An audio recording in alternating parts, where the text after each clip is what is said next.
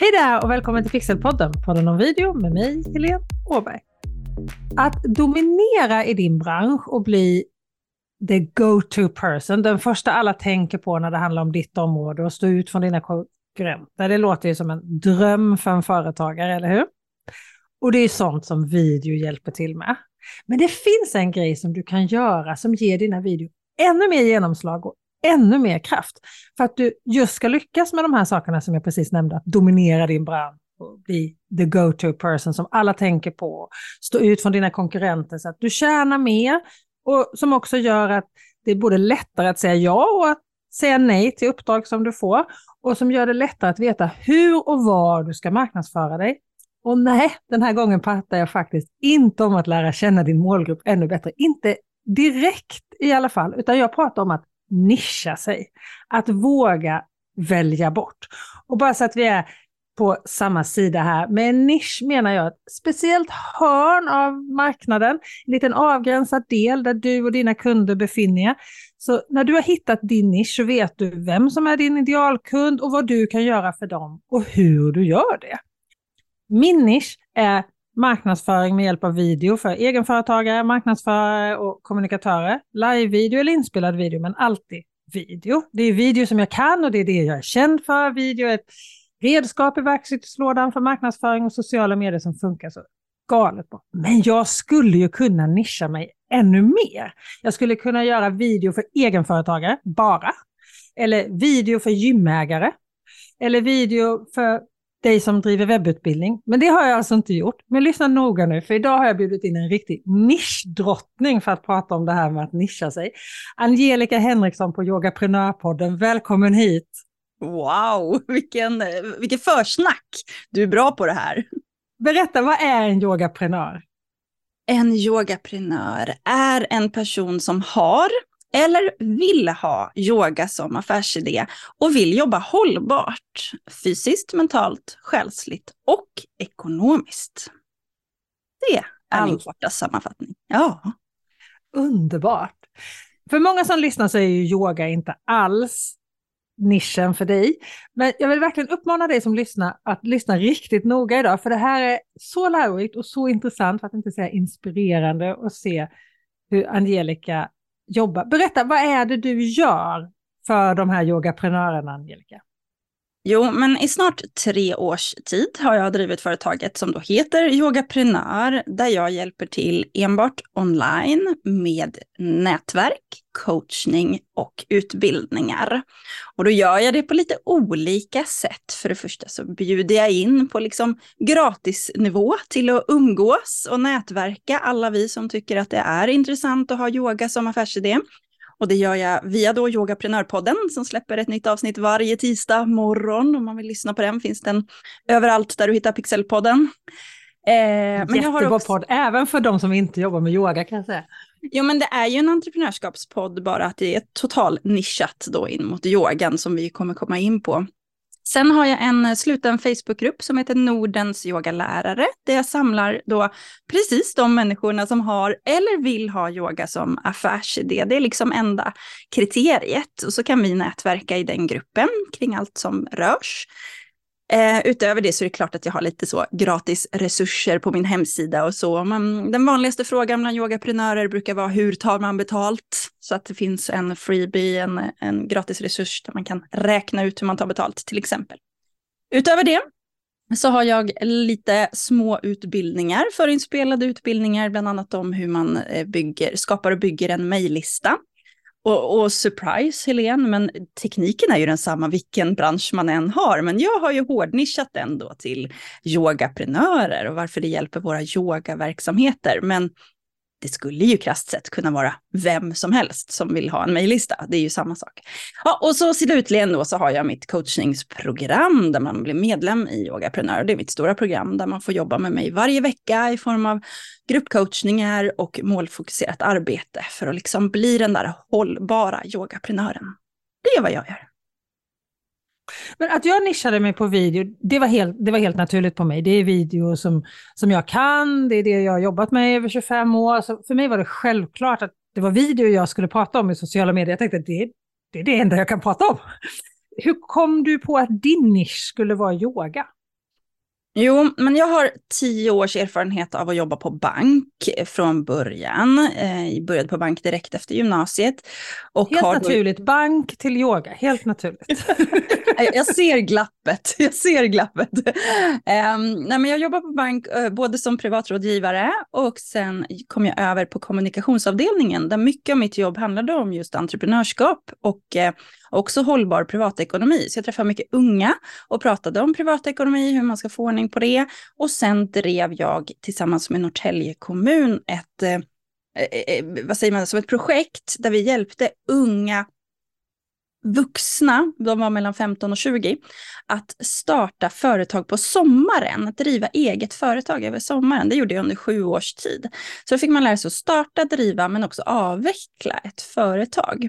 Och då i slutet av min bankkarriär, när jag hade på liksom eh, via resor och studier och så där kommit i kontakt med yogan så stod jag och valde emellan. Ska jag antingen liksom gå bankvägen och ta den resan, det stod med jobberbjudanden inne i Stockholm för att, ja, jag, jag befinner mig i Norrtälje då en timme norr om Stockholm, men då fick jag så här fina jobb inne i Stockholm och stora möjligheter och jag hade fortfarande inte familj, skaffa familj, jag var under 30 så jag stod verkligen i sådana vägskäl. Är det nu jag hoppar på och gör den där resan som var jätterolig och jätteintressant.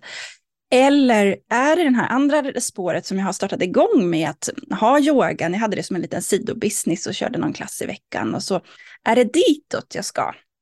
Och då var det faktiskt inte yogan som vann, utan det som vann var drivet att vara entreprenör.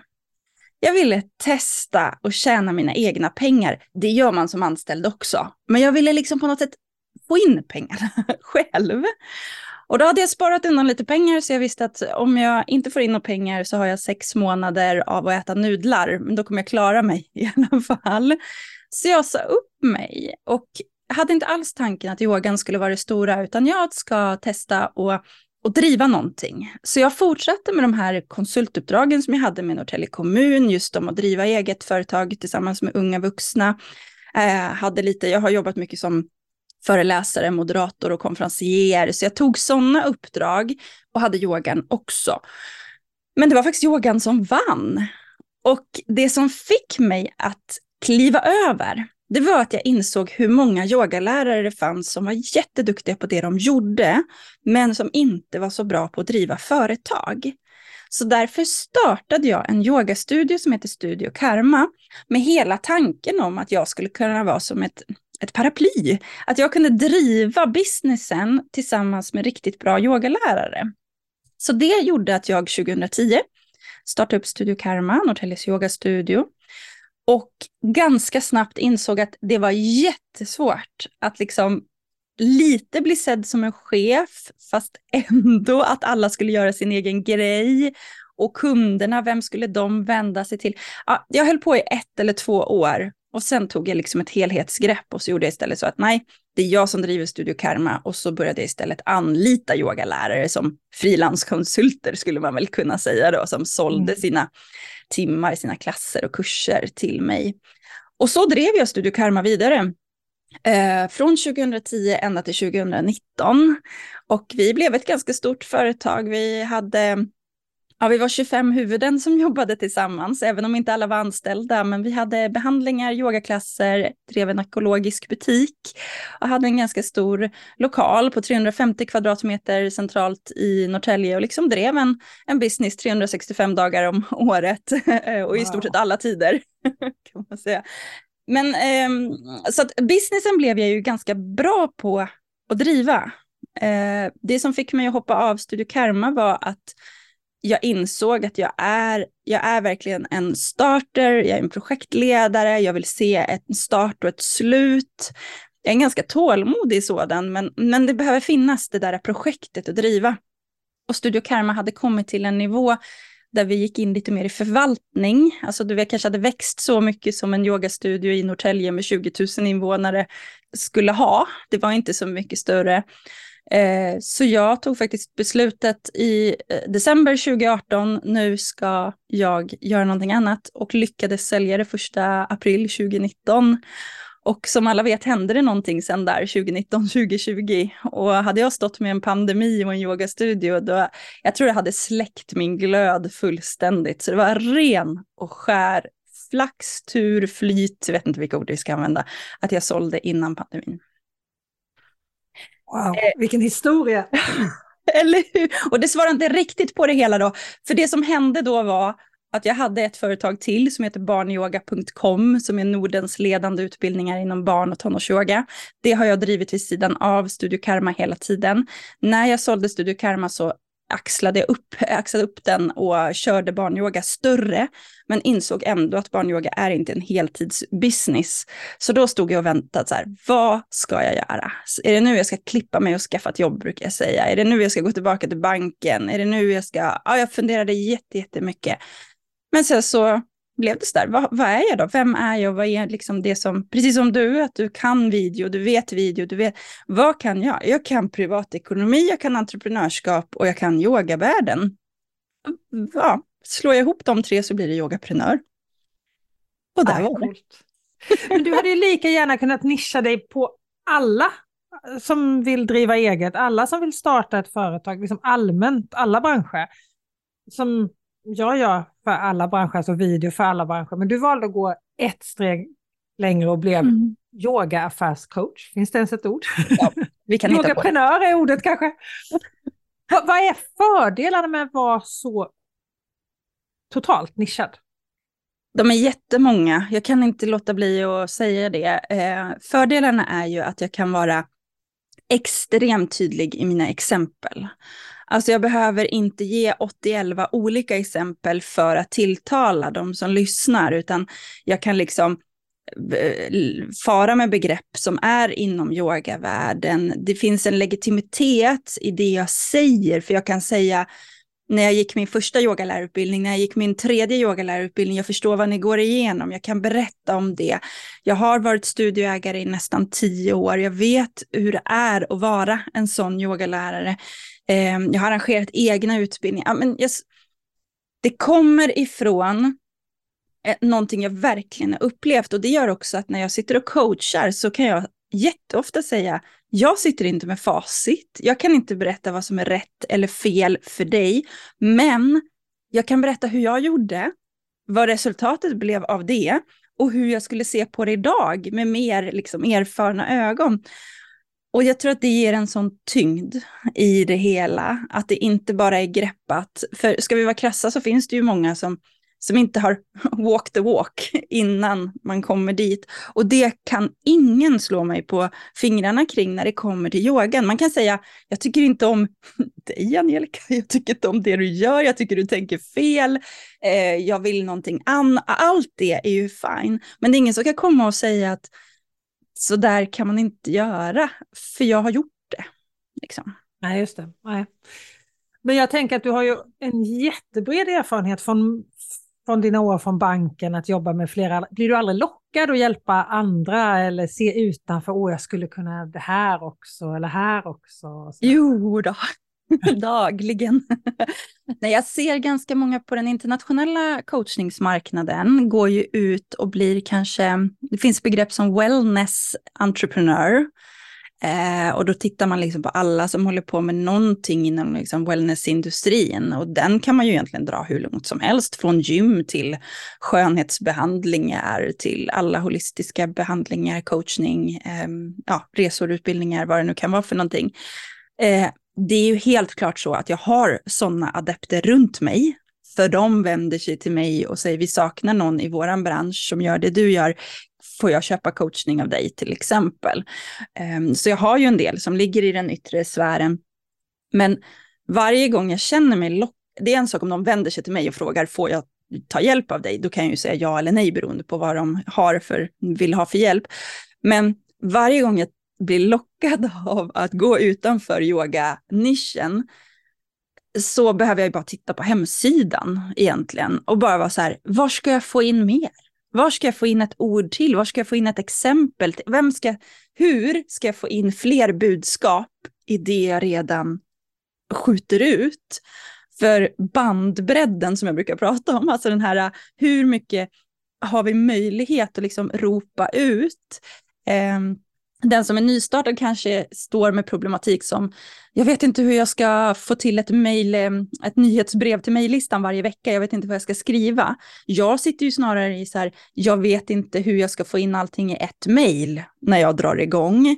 För att jag har mycket att leverera, jag har mycket att erbjuda. Ska jag då börja tilltala fler, då blir det rörigt. Otroligt, otroligt rörigt. Och med det sagt, nu pratar jag som en galning, men du, du sa att jag fick prata, Helene. Ja, det är jättebra. Det är så spännande att lyssna på dig, det är jätteintressant. Det är bra.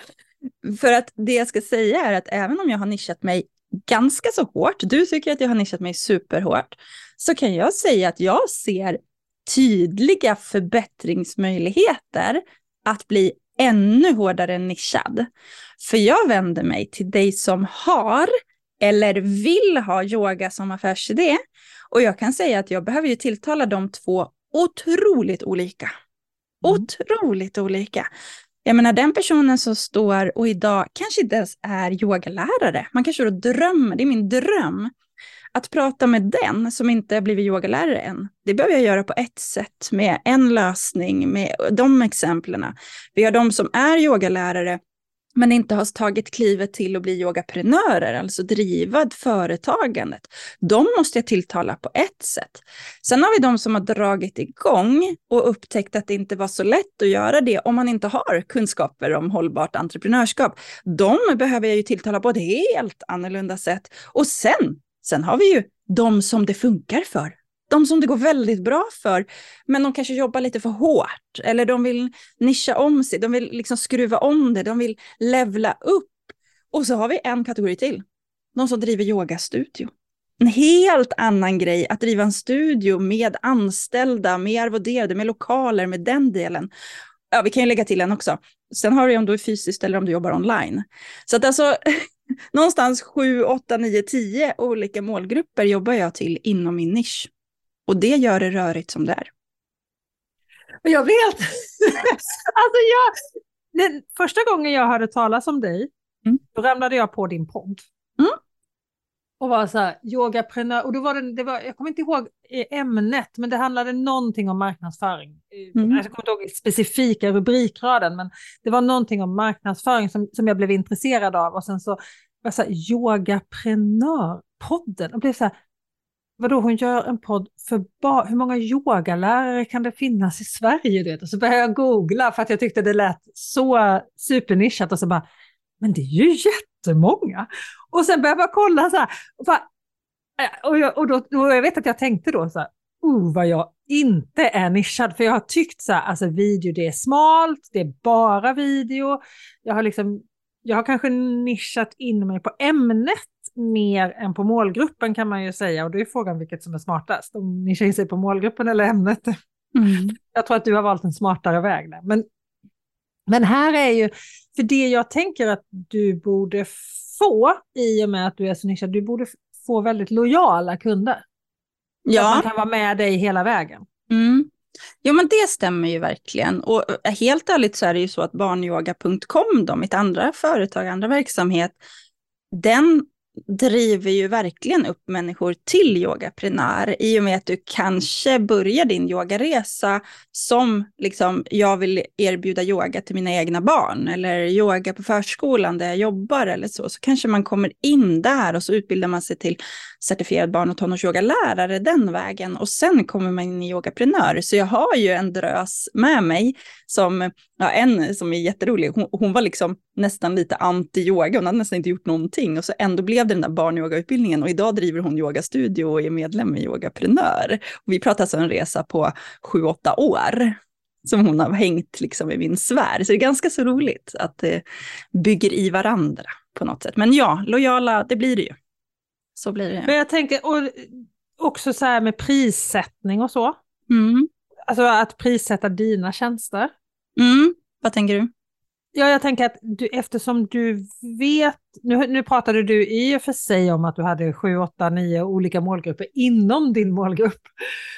Men ändå att du, du vet hur mycket man kan ta betalt. Det är inte som att, eh, eller hur mycket man, liksom, vad man kan gå plus, eller jag på att säga, vad man kan ha för råd att, att köpa in tjänster för, för du vet hur marknaden ser ut och hur budgeten för en yogaprenör ser ut. Absolut, det kan jag ju verkligen. Jag kan ju hjälpa medlemmarna, eller de jag jobbar med, väldigt enkelt eh, och räkna och skruva på det. Jag själv sitter i en liten utmaning eh, där jag märker, och jag har, jag ska säga så här, jag har hjälpt till med entreprenörskap även innan jag öppnade Yogaprenör. Och det redan då slog fast vid, det är att många yogalärare, eller de som utbildar sig till yogalärare, de har ganska lätt kanske fel uttryck, de har lättare att prioritera pengarna på att lägga 30, 40, 50, 60 tusen på en yogalärarutbildning. Och sen kanske man märker att det kommer man inte så långt med och så betalar man samma pengar igen och går ytterligare en yogalärarutbildning och fortsättningsutbildningar. Men just när det kommer till att liksom investera i sitt eget företagande så är det många som har en ganska så stor gräns kring detta. Eh, så jag märker att min prissättning, jag ligger ganska högt i pris. Jag gör det medvetet för att jag vill absolut få in de som är beredda att göra jobbet. Alltså, det är, det måste ju komma inifrån. Jag kan stötta, jag kan vända ut och in på mig själv för den medlemmen som behöver min hjälp om de tar den och liksom jobbar vidare på den. Jag tar gärna emot motstånd, motargument, att de käftar tillbaka, det får de hemskt gärna göra. Men de måste liksom ta in det och inte leta efter en, en färdig prislista eller ett färdigt sätt att jobba på, utan det här är ju att jag vill, ju, jag vill inte få massa angelikor där ute, utan jag vill ju få egna fristående yogaprenörer. Och det gör att jag märker att jag har många som cirklar runt mig, jätte, jättemånga som antingen eh, inte vågar investera i sig själva. Man vågar inte ta klivet att köpa ett medlemskap eller coachning. Det känns som att tänk om jag gör det och så misslyckas jag. Mm. Då liksom släcker jag en dröm kanske. Eh, alternativt att man var yogalärare innan pandemin. Pandemin nästan knäckte ens företagande. Nu har det gått ett år utan restriktioner, man har börjat få det på liksom lite igång igen. Men man har inte liksom överdrivna resurser för att man inte har en, en hållbar prissättning. Och då står man och tittar och så tycker man att, att jag är lite för dyr.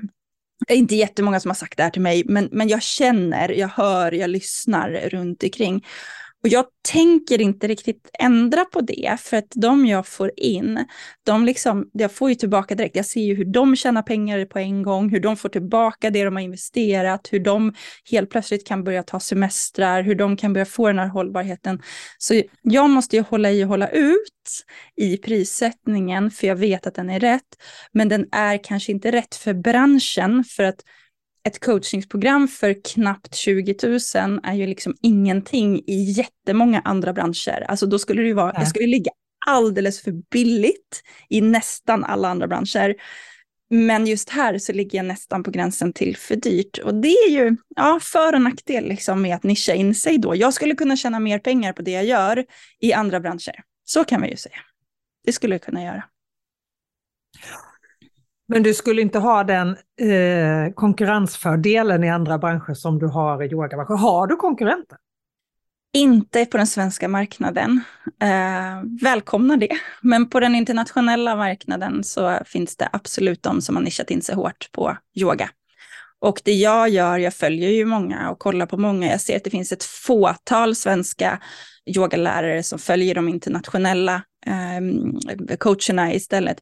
Det som blir den stora nackdelen, det är ju att Sverige är en speciell marknad. Alltså vi har ju vårt sätt att tänka på. Det går ju inte att översätta det liksom amerikanska sättet att marknadsföra sig rakt in i Sverige. Det vet ju alla vi som, har, som följer dem. Um, så att nej, jag är ensam på den delen av marknaden och vara så nischad. Uh, och jag är faktiskt inte alls rädd för en konkurrens i form av... Jag ska säga, det finns ett forum till. De nischar sig inte lika hårt som jag gör, men det finns ett forum till. Men då blir det sådär ett, ett 12 veckors program för 600 kronor istället. Och då, någonstans så blir det ganska tydligt att man får det man betalar för. Men jag tänker att vad bra, för den som vill ha det så kan man välja det istället.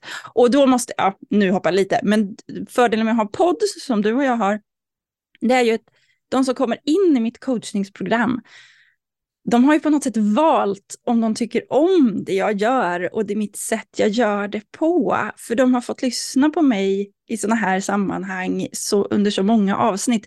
Så de som kommer in, jag behöver inte liksom argumentera om att jag tycker att det är svinviktigt att vi är hållbara på alla plan. Jag vill inte ha fler utbrända yogalärare. Jag vill inte ha yogalärare som lever på sin partners lön eller inte sätter av pengar så att det finns SGI eller eh, pension eller så. Jag vill verkligen jobba med de som har bestämt sig att de vill leva av sitt yogaföretag. Och det gör att den diskussionen uppkommer inte bland oss som medlemmar. Känner vi liksom helt fine med att det finns de som tycker att man inte ska ta betalt för yoga eller att man, jag inte vet jag vad man har för åsikter. Men då, det är så här, fine, ha dem. Men här jobbar vi på det här sättet och det är så underbart att få ha det i ett poddformat. För då får man liksom välja. Du pratade om att välja bort och så. Jag tänker nästan att ju mer jag gör mig synlig och har en åsikt, har ett sätt att jobba på, så väljs det bort automatiskt. Det är inte jag som väljer bort, utan det är kunden eller den som stöter på mig som är så här, nej men tack men nej tack. Nej men absolut, gör det på ett annat sätt. Så tänker jag. Kan det bli för smalt? Kan det bli för nischat? Eller är det bara möjligheter? Ja, det är en bra fråga. Vi har den emellanåt som en diskussion. Jag, jag, jag provpratar lite grann med, här dig, med dig, så får vi ta din eh, instruktion eller din tanke också. Jag tänker så här, som yogalärare så har man ofta tänket att man ska sälja en yogaform. Alltså jag erbjuder yin-yoga eller jag erbjuder hatha-yoga eller sensin-yoga eller vad det nu kan vara för något. Och så tänker man att om jag sätter upp en kurs, tio veckor om det, eller ett eh, onlineprogram eller vad det kan vara, och så försöker man sälja den formen av yoga, då tänker jag att man har glömt bort sin målgrupp. För att om du vänder dig till nybörjare, personer som aldrig har yogat, som aldrig kommer i kontakt med yoga, du vet inte vad yin-yoga är, du vet inte vad sensi... alltså det säger noll, verkligen noll. Vilket gör att vänder du dig till målgruppen personer som inte har en aning om vad yoga är, men som skulle må bra av att sova bättre, stressa mindre, få ordning på hormoner eller vad det kan vara för någonting, så sitter jag här med en jättebra yogaform, ett verktyg som jag kan plocka fram och hjälpa dig med. Men då ska ju min kurs heta typ för dig, jag hjälper dig som har svårt att sova, vill du sova bättre, vill ha mindre ont i ryggen, vad det nu är för någonting. Sen att jag använder, ja jag kanske ska vara tydlig med att det är yoga jag använder som ett verktyg. Men det kan ju vara personer som alltså alltid i hela ens liv har sagt, äh, yoga är inget för mig. Och så upptäcker de att just den här yogaformen med just den här yogaläraren paketerat på det här sättet var precis vad jag behövde för att bli av med mina problem. Eh, så då tänker jag att i det fallet så är ju nischningen och målgruppen snarare ett, ett problem, alltså de som lider av det här problemet och som kanske vill ha lösningen på ett visst sätt. Alltså, om jag vänder mig till alla som har svårt att sova, kom till min yogastudio i Norrtälje. Ja, då blir det ju ännu mer nischat då, för då är det ju bara de som kan tänka sig att komma till studion i Norrtälje. Så där har vi en avgränsning. Men går jag ut online, då behöver jag vända mig till de som tycker att det är intressant att få hjälpen online och få det paketerat på det sättet. Det blir svårt att göra både och. Liksom.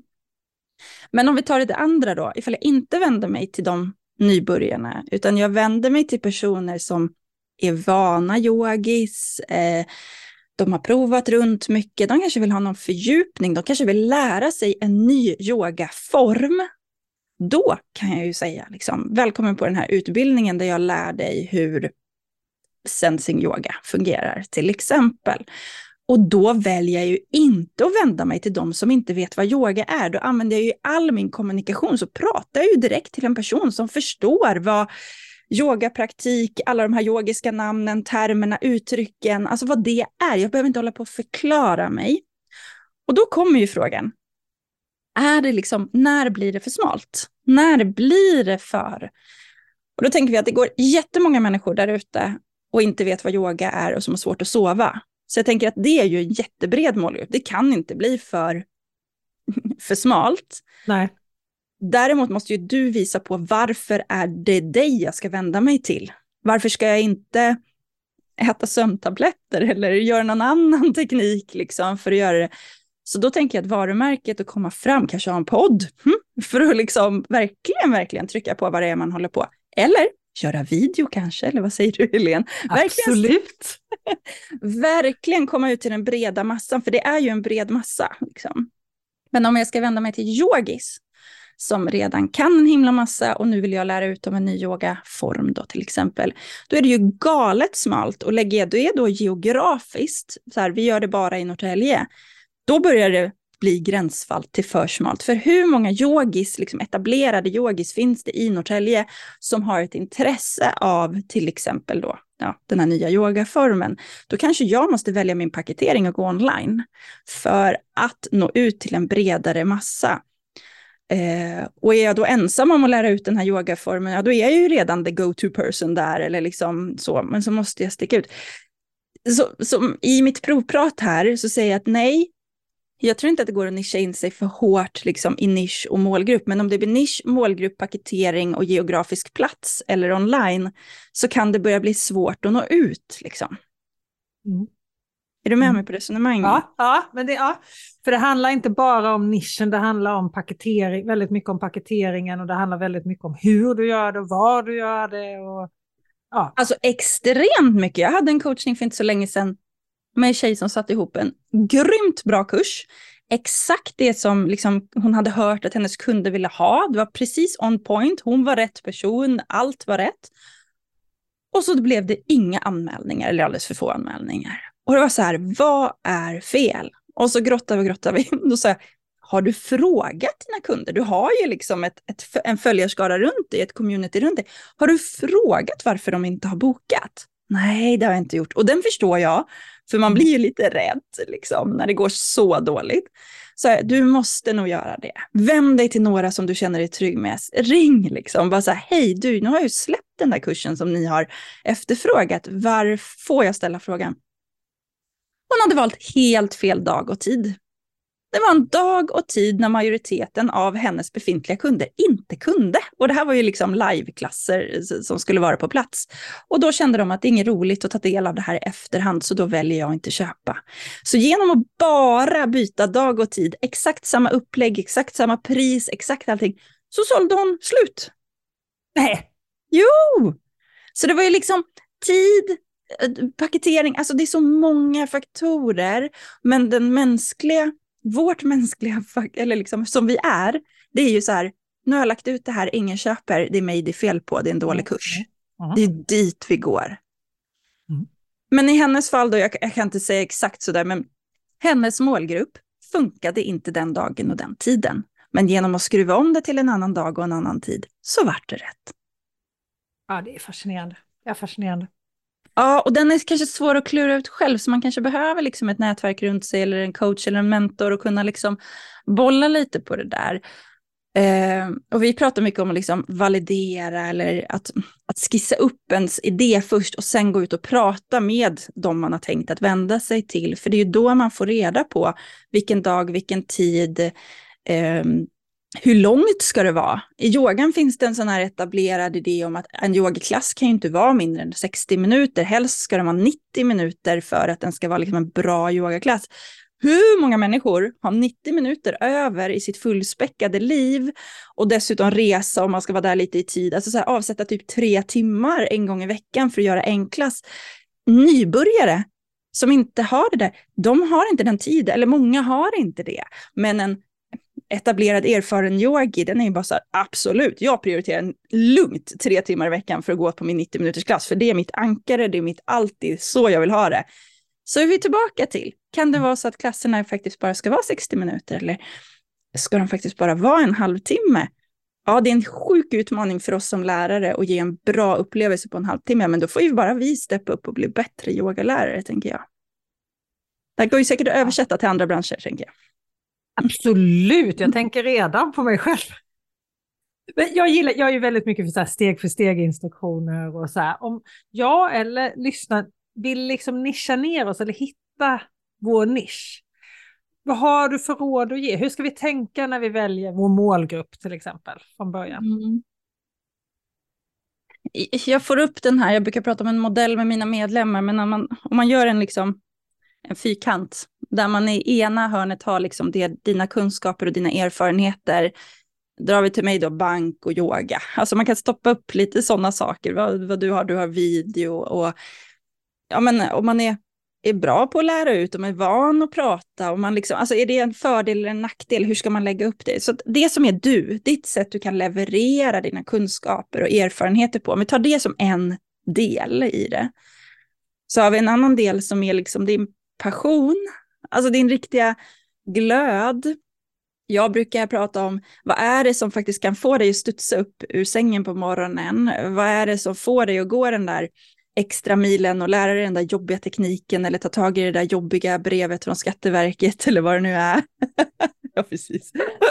um, och jag brukar säga, uh, ja, men om du går hem från jobbet en sen regnig novemberkväll och du möter en person och den ställer en fråga till dig, det som får dig att bara så här fälla ner paraplyet och bara stå och glöda och prata om ett ämne, där har du ju din passion. Liksom. Alltså det är den som kommer att få dig att gå längre.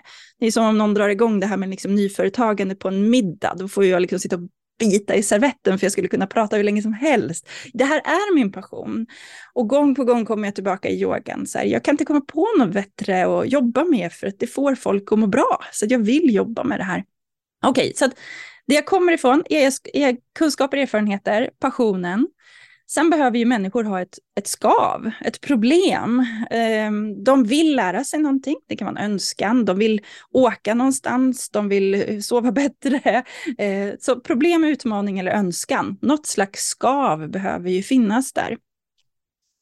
För folk vill inte bara ha mer att göra. De vill inte bara lära sig om video, bara sådär. De vill ju det, ja, men någon... Nej, de vill ju nå ut. De vill ju nå igenom bruset eller visa på sin, på sin ja. kunskap eller hitta, att kunderna ska hitta dem och få förtroende för dem. Lära känna skulle jag också kunna vara en mamma som skulle vilja kunna göra riktigt bra filmer på mina barn och komma ihåg, alltså istället för mm. fotoalbum. Så men där har vi ju lite nischning, så här, vilket problem är det som man vill hjälpa till med som passionen och erfarenheterna och kunskaperna liksom går ihop med.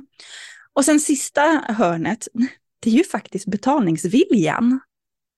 Alltså det måste ju finnas någon som är beredd att betala för det här för att det just ska bli en, en affärsidé. Annars så blir det ju bara en hobby av allt det där andra. Jag menar, jag kan ju älska att odla pelargoner, jag är skitduktig på att göra det, det är det bästa jag vet och jag vet att det finns massa grannar som inte lyckas med sina pelargoner.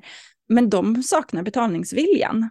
Då blir det ju inte en affärsidé, utan då blir jag ju bara en god granne som på hobbynivå hjälper till med pelargoner. Goda grannar är också bra att ha. Jag säger ingenting annat, men nu var vi inne på affärsidé. Ja. Och då kommer betalningsviljan. Exemplet jag brukar ge kring yoga då, det är ju att det finns jättemånga människor som har ont eller sover dåligt eller har just stressrelaterade problem. Och de är inte på något sätt obegåvade och inte vet om att det finns hjälp att få. De allra flesta vet att det finns hjälp att få. Men antingen så vill de inte eller har inte möjligheten att betala för den hjälpen. Så har man med sig alla de här fyra delarna, då kan man där i mitten börja liksom exkludera, så här, okej, okay, jag ska i alla fall inte hålla på med det här, det är inte de där jag ska hjälpa. Det är inte dem, det är inte det. Och så kan man börja liksom långsamt skala ner till något nischigt där liksom i mitten. Och jag tror mycket på den där äh, inte-grejen. Att istället för att leta efter det korrekta, så mer tänka, vi pratar mycket om idealkund i sådana här tankar, avatarer, de kan heta alla möjliga saker. Ehm, jag tycker det är jätte jättesvårt att hitta min idealkund, bästa kunden. Men jag är ganska bra på att berätta vilka kunder jag inte vill ha. Ja. Mm. Den som trasslar, den som inte betalar. Liksom. Ja, så jag brukar be mina kunder sätta upp två papper. Så här, idealkund, icke-kund. Och så kan man börja så här, ha dem på köks skåpen eller någonting och så kan man över tid bara skriva upp saker man kommer på. Så stöter man på någon person eller tänker man så bara, gud den där människan skulle jag ju aldrig vilja ha som kund. Då kan man skriva upp det. Varför? Ja, jag vill inte ha en människa som pratar på det här sättet eller gör det här sättet eller så. Då börjar man ta ut en riktning, tänker jag. Och så sista där, det här går inte att sitta hemma och klura på hur länge som helst. Alltså det är ingen någonsin som har kommit på klarhet i sin affärsidé, målgrupp, nisch genom att sitta hemma och kam på kammaren och klura. Man behöver ha en riktning och så behöver man börja jobba. För det är när man är ute och pratar med människor som man helt plötsligt bara golvas av att det är ju du, det är ju du, det är precis dig jag kan hjälpa. Det är ju här, det är helt rätt. Och då får man gå tillbaka till papperna och så bara, det är Helen, det är fler Helenor jag ska ha, det är såna här människor jag vill ha. Och så tar man ut riktning ditåt. Var det svar på frågan? Prata Jättebra svar. Fantastiskt Angelica, du är så bra på det här. Det är så... Men jag tänker så här, det här är en marknadsföringspodd. Och hur hittar du innehåll, inte minst till din podd, Yogaprenörpodden, som är en affärspodd kan man ju säga, eller en, eh, en affärscoach podd mm. Eh, för, yoga, för yogapersoner. Men jag lyssnar ju på den podden med fantastisk behållning, även om jag ibland känner att det flyger över huvudet på mig. Så här, man bara, oh, det kommer yogabegrepp. Såklart, för jag är inte målgruppen. Som jag inte alls har koll. Jag har lärt mig så mycket om yoga och lyssnat på yoga på den här podden. Men hur hittar du innehåll eh, och video till dina sociala kanaler när det är så nischat? Är det lättare eller blir det så här, oh det där önskar jag hade kunnat göra men det kan jag inte? Går det att göra en yogavinkel på allt? Liksom? Gud, vilken bra fråga. Um, Ja, för det första har jag ju ett ohälsosamt konsumerande av andra poddar. Eh, både, ja men givetvis din podd, men, men alltså verkligen svenska poddar inom entreprenörskap, utbildning, eh, marknadsföring.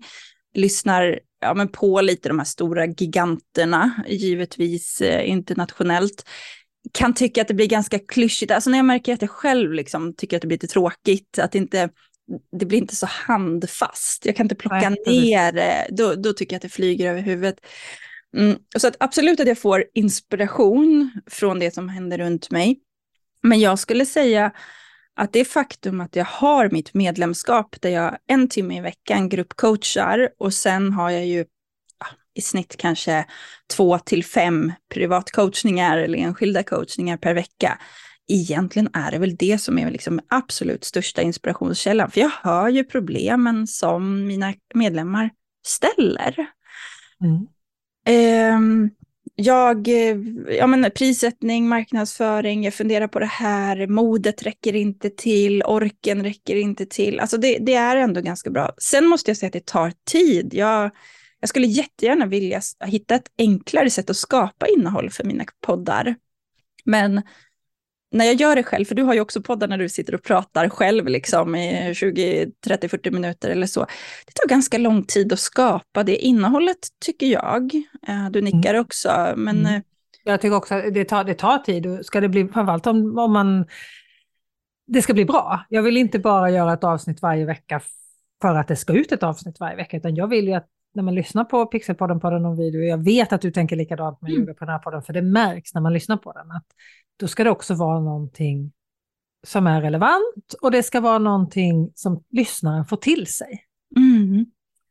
Och det tycker jag är, det kan vara mer utmanande liksom av tiden. Att jag tycker att så här, ska jag göra det här ska det bli bra och då tar det mycket tid. Så att det är nog min grej när jag lägger upp poddarna. Mer så här, hur ser veckan ut här framöver? Ja, när jag har väldigt dåligt med tid, eh, då är det nog inte den veckan jag sätter mig och skapar ett sånt avsnitt, utan helt ärligt så tar det ju mindre tid att liksom träffa en, en rolig person och sitta och prata med, intervjua en yogaprenör, vilket ju är jättegivande. Det vet jag att mina lyssnare tycker om att höra, liksom, hur har andras yogaprenörsresor eh, gått till? Vart börjar man? Hur gick man vidare? Vart står man idag? Så antingen det eller ta in liksom, personer från andra poddar eller andra branscher och prata om det. Men det är ju x antal timmar som rullar iväg varje vecka för att skapa det här gratismaterialet. Så det måste ju finnas en riktning, en plan med det.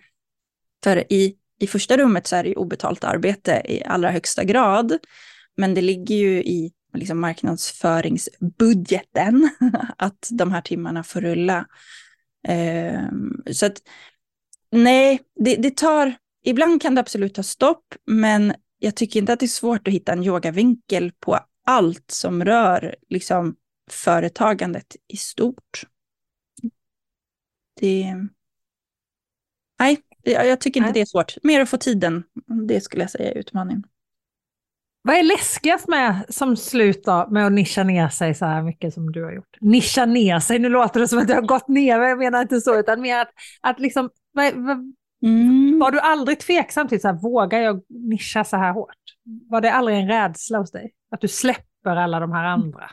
Jag tror att det är en, en, en liten personlighetsstörning jag går och bär på. Att jag har jag har nog aldrig varit rädd för att bara köra någonting. Det har jag ju verkligen insett att det är en styrka hos mig som kan bli en liksom nackdel när det kommer tillbaka. Men det kan också vara en nackdel i coachningssammanhang, att jag behöver verkligen sätta mig in i mina medlemmars, i mina klienters skor. För det som för mig är så här, gud vilken bra idé, kör kan ha en enorm startsträcka för vilken annan normal människa som helst. Men det gör också att jag sätter upp mina begränsningar i coachningssamtalen där vi eh, där vi absolut kan komma fram till att nu sitter du med den här bra idén, du har de här möjligheterna, nu har du allt det här.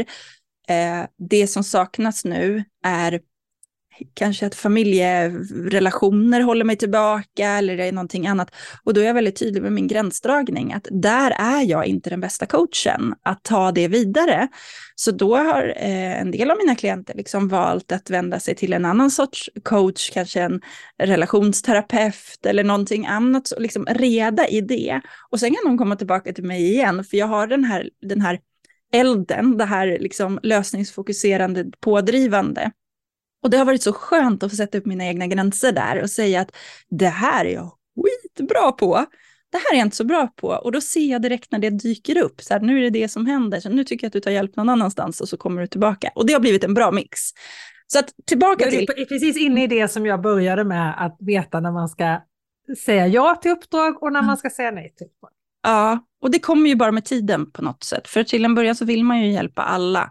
Men jag märker själv att min passion, om vi går tillbaka till den här fyrkanten, min passion slocknar när allt det praktiska står klart och det är modet som saknas, då är jag inte rätt coach att elda på. Jag kan liksom göra det till en viss del, men sen kan jag ju vara där och liksom vara en sparringpartner och jag kan belysa och jag kan medvetandegöra och jag kan liksom hjälpa processen framåt. Men det finns andra som är grymma på det där, liksom, och ta dem vidare. Men för den sakens skull så var det så här att där 2020 när jag startade Yogaprenör, jag stod med ena foten i barnyoga.com och märkte att det här är inte en heltidsverksamhet. Jag har tid, jag har utrymme, jag har viljan att göra någonting mer. Är det nu jag ska gå till banken eller ska jag göra någonting annat? Alltså inte gå till banken, börja jobba på banken. ska jag göra något sånt? Eh, när före detta kollegor, gamla gamla yogalärarvänner började ringa och det var där när de restriktionerna gick ju lite i skov under pandemin för den som minns. Och det, jag tror att det var andra eller tredje skovet som drog igång. Och folk ringde mig och var så här, alltså, Angelica, vad gör vi? Alltså nu, nu går verksamheten ner. Den här studion stänger nu. nu. Hur ska vi göra? Och då stod jag där och var så här, men alltså det går ju att göra saker. Det går ju verkligen. Så att jag tog en morgonpromenad yogaprenör som begrepp slog ner i huvudet. Jag är absolut inte först med att ha startat, det, liksom, det har funnits, det har florerat i yogavärlden, det ordet tidigare, men det är ingen som liksom har greppat det. Så bara, det är ju det, det är det här jag kan göra. Vad kan jag göra? Jag har inget material, jag har ingenting. Nej, men jag slänger ut en hint i mina nätverk. Så här, jag drar igång yogaprenör, jag hjälper er i tre månader med liksom, det ni vill ha hjälp med. Jag kan vara DGF-spruta, jag kan berätta hur jag har gjort, jag kan skicka kontakter, jag kan bilda nätverk. Eh, vi gör det tillsammans. Och vill du vara med mig, så jag tar 600 kronor plus moms för tre månader. Men häng på om du vill. Så på tio dagar så satte jag ihop, jag registrerade det bolaget, eh, startade hemsida, öppnade en kursportal. Eh, jag gjorde lite sådana saker. Första december drog vi igång. Och då hade jag, jag tror det var 36 medlemmar med mig från start. Liksom. Och då är ju det faktiskt inte bara människor jag kände. Det var, det var förvånande. Jag trodde ändå att det skulle vara liksom folk runt omkring mig, men det var lite blandat. Så hängde jag med dem i tre månader och bara var så här, vad är ditt problem? Vad är vi? Var står vi? Var är vi någonstans? Och så bara skapade jag liksom mallar, tankar, övningar, diskussioner, nätverkande under de där tre. Och sen blev det starten till det jag gör idag. Så jag hann nog aldrig tänka om jag liksom gjorde det rätt eller fel. Kom sen. Fantastisk historia.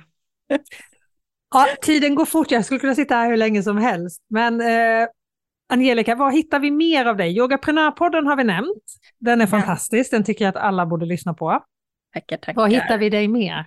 Ja, men på Instagram är det ju inte dumt. Det är yogaprenor heter jag där och är det någon som är nyfiken på det här med barnyoga så heter det barnyoga.com eller barnyoga.com är hemsidan. Det är väl lättaste sätten att connecta med och som sagt på eh, hemsidan yogaprenor.se så finns det också lite sådana här gratis resurser om liksom lite teknik och lite eh, ta rätt betalt och så, som ju då är supernischat till yoga, men det är ju samma sak för vilken bransch man än är. Så det kan man ta del av om man vill. Ja, tack snälla Angelica för att du ville vara med. Jag är otroligt tacksam för det såklart.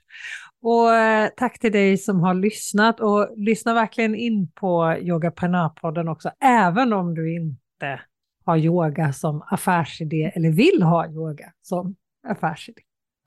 Tack snälla, Tack snälla för att du har lyssnat och nästa vecka hörs vi igen. Ha det så bra till dess. Hej då!